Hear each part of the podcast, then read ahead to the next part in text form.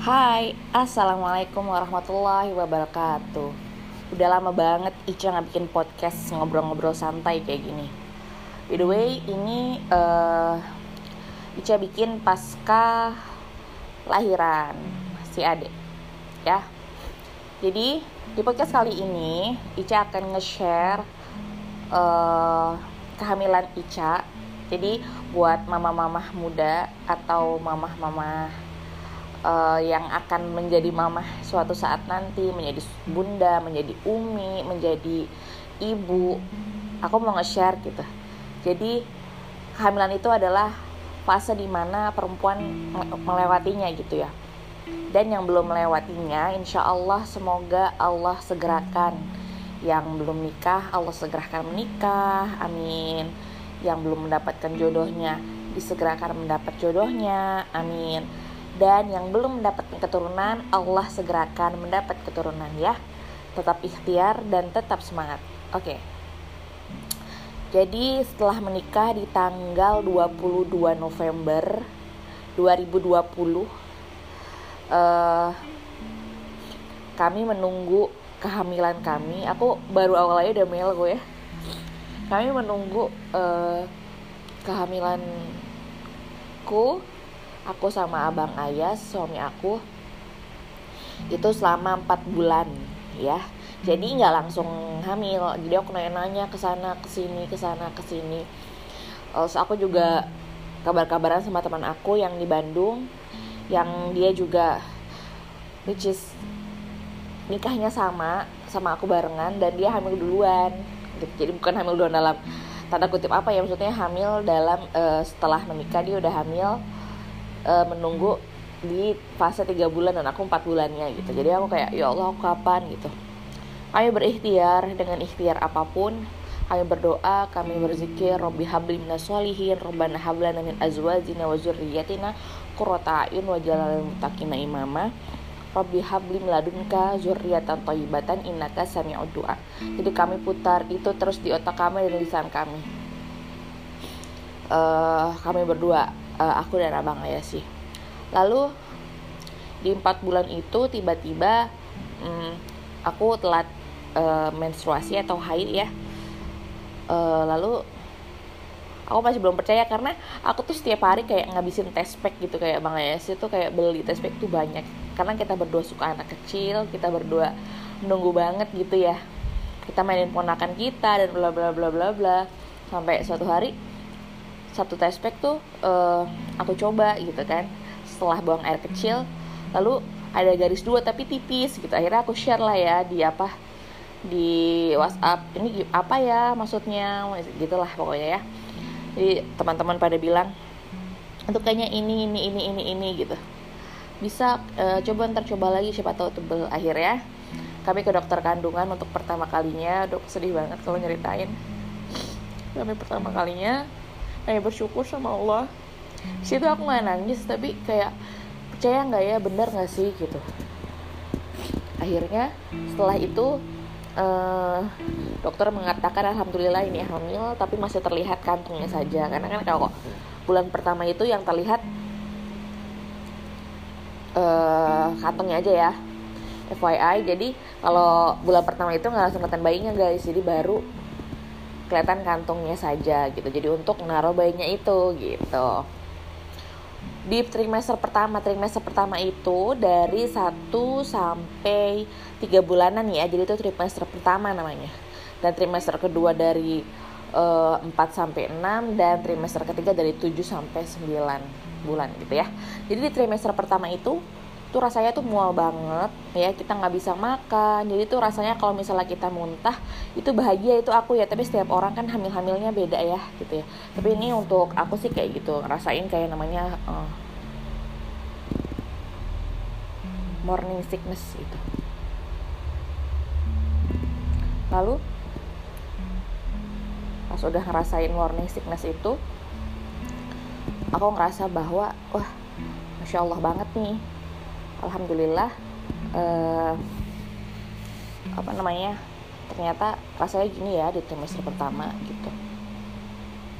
Lalu di trimester pertama itu aku ngalamin kayak nggak nafsu makan. Makan sih uh, tapi dikit gitu. Nah sekalinya makan tuh banyak juga ya jadi pengen makan pengen makan banyak. Tapi mikir ntar gue muntah nggak ya? gitu. Karena setiap makan tuh harus dikeluarin gitu loh. Jadi mau nggak mau kita mikir dua kali gitu karena kan kita baru pertama uh, kali ngerasain hamil gitu. Jadi seharusnya emang harus ada asupan makanan gitu. Dan disaranin untuk minum susu dan lain sebagainya untuk mengganti makanan tersebut gitu. Itu di trimester pertama rasanya. Masih bisa kuling-kulingan tuh. Nah di trimester kedua itu agak ringanan. Di trimester kedua itu yang dirasakan adalah wah nggak ada rasa apa-apa nyaman senyaman nyamannya nggak mual makan apa aja terus banyak masukan dari orang-orang gitu kan. Terus um, dan lain sebagainya. Pokoknya di, di trimester kedua itu di dari jangka 4 bulan sampai 6 bulanan ya itu baik-baik saja gitu. Nah di trimester ketiga 7 sampai 9 inilah yang istimewa yang kayak masya Allah kayak perut tuh udah kerasa ih kok gede ya? Gitu. Karena di trimester kedua aku juga orang yang nunggu kok perut gue gak gede-gede sih? Gitu. Eh di trimester ketiga itu ngerasa gede banget sampai kalau jalan-jalan itu orang tuh ngeliatin gede, gede banget gitu kan. Terus um, perut udah gede ke kanan ke kiri itu udah mulai sakit banget. Ya nggak enak pokoknya rasanya udah nggak nyaman tidur udah nggak nyaman rasanya pengen duduk aja tidur gitu.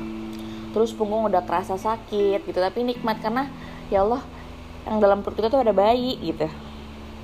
Terus um, Terus itu di area paha ke atas itu udah sakit kayak karena kan bayinya kan udah di bawah gitu ya udah kayak udah besar terus turun dianya juga turun kan kepalanya. Alhamdulillah waktu itu uh, bayiku kepalanya di bawah jadi bener-bener kayak apa uh, nyundul untuk keluar gitu cari jalur lahir jalur lahir gitu sakit banget rasanya masya Allah sampai pipis buang air kecil itu kayak harus pelan jalan pelan pelan pelan pelan gitu. Di sini kesetiaan seorang suami atau seorang pasangan kamu diuji gitu. Di trimester pertama pasangan kamu diuji untuk sabar menghadapi kamu yang mualan kamu yang muntah kamu yang eh, nggak e, bisa nyium makanan kamu yang nggak bisa masak di sini diuji gimana reaksi suami sabar menghadapi itu ya. Jadi uh, kita lihat ya ke suami itu di masa-masa kehamilan kita. Jadi di ke nah di trimester kedua nggak ada apa-apa jadi santai gitu aku bisa jalan-jalan ke mana-mana. Dan di trimester tiga itu reaksi suami juga kita lihat karena kita bisa lihat kesabaran dia gitu kan bagaimana bagaimana dia ngurus kita jalan kita udah pelan kalau kita ke mana-mana harus ditemenin apalagi kalau mau detik-detik lahiran itu kita harus jalan gimana dia uh, setia untuk ngingetin kita setia untuk kayak kita juga nggak bisa lagi bikinin dia makan terus rumah berantakan dan baper-bapernya itu loh kayak orang tuh baper banget gitu guys ya kan? Um, ya perempuan dasarnya emang udah baper terus kalau kalau lagi hamil tuh tambah baper dan air mata tuh gampang nangis. Nah itulah yang membuat bayi itu bisa lemah gitu di dalam. Ngaruh banget kan kayak Allah akbar banget kayak masya Allah banget. Hal yang kayak gitu bisa berpengaruh dengan bayinya seperti itu. Jadi buat teman-teman yang lagi cari jodoh jangan cuma dilihat dari tampang tampan dan mapan ya. Kesabaran maaf. Kesabaran juga harus dilihat gitu. Jangan kayak perhatian tuh bukan sekedar lo udah makan belum lo udah ini belum enggak.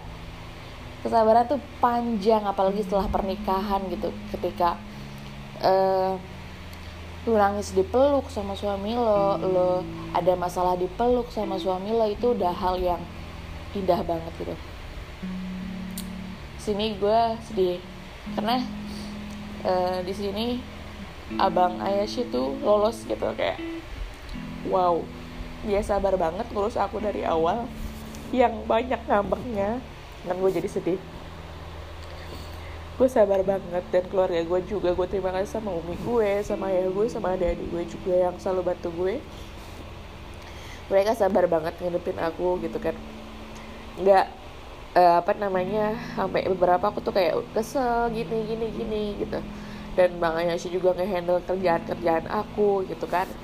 Uh, dia juga alhamdulillah orang yang bisa masak. Aku kayak suka kayak enak gitu kan kalau misalnya rumah berantakan dan dia yang beresin gitu gitu. Kayak Masya Allah Allah kasih hadiah terbaik lewat suamiku gitu. Makasih abang Ayash terus selanjutnya adalah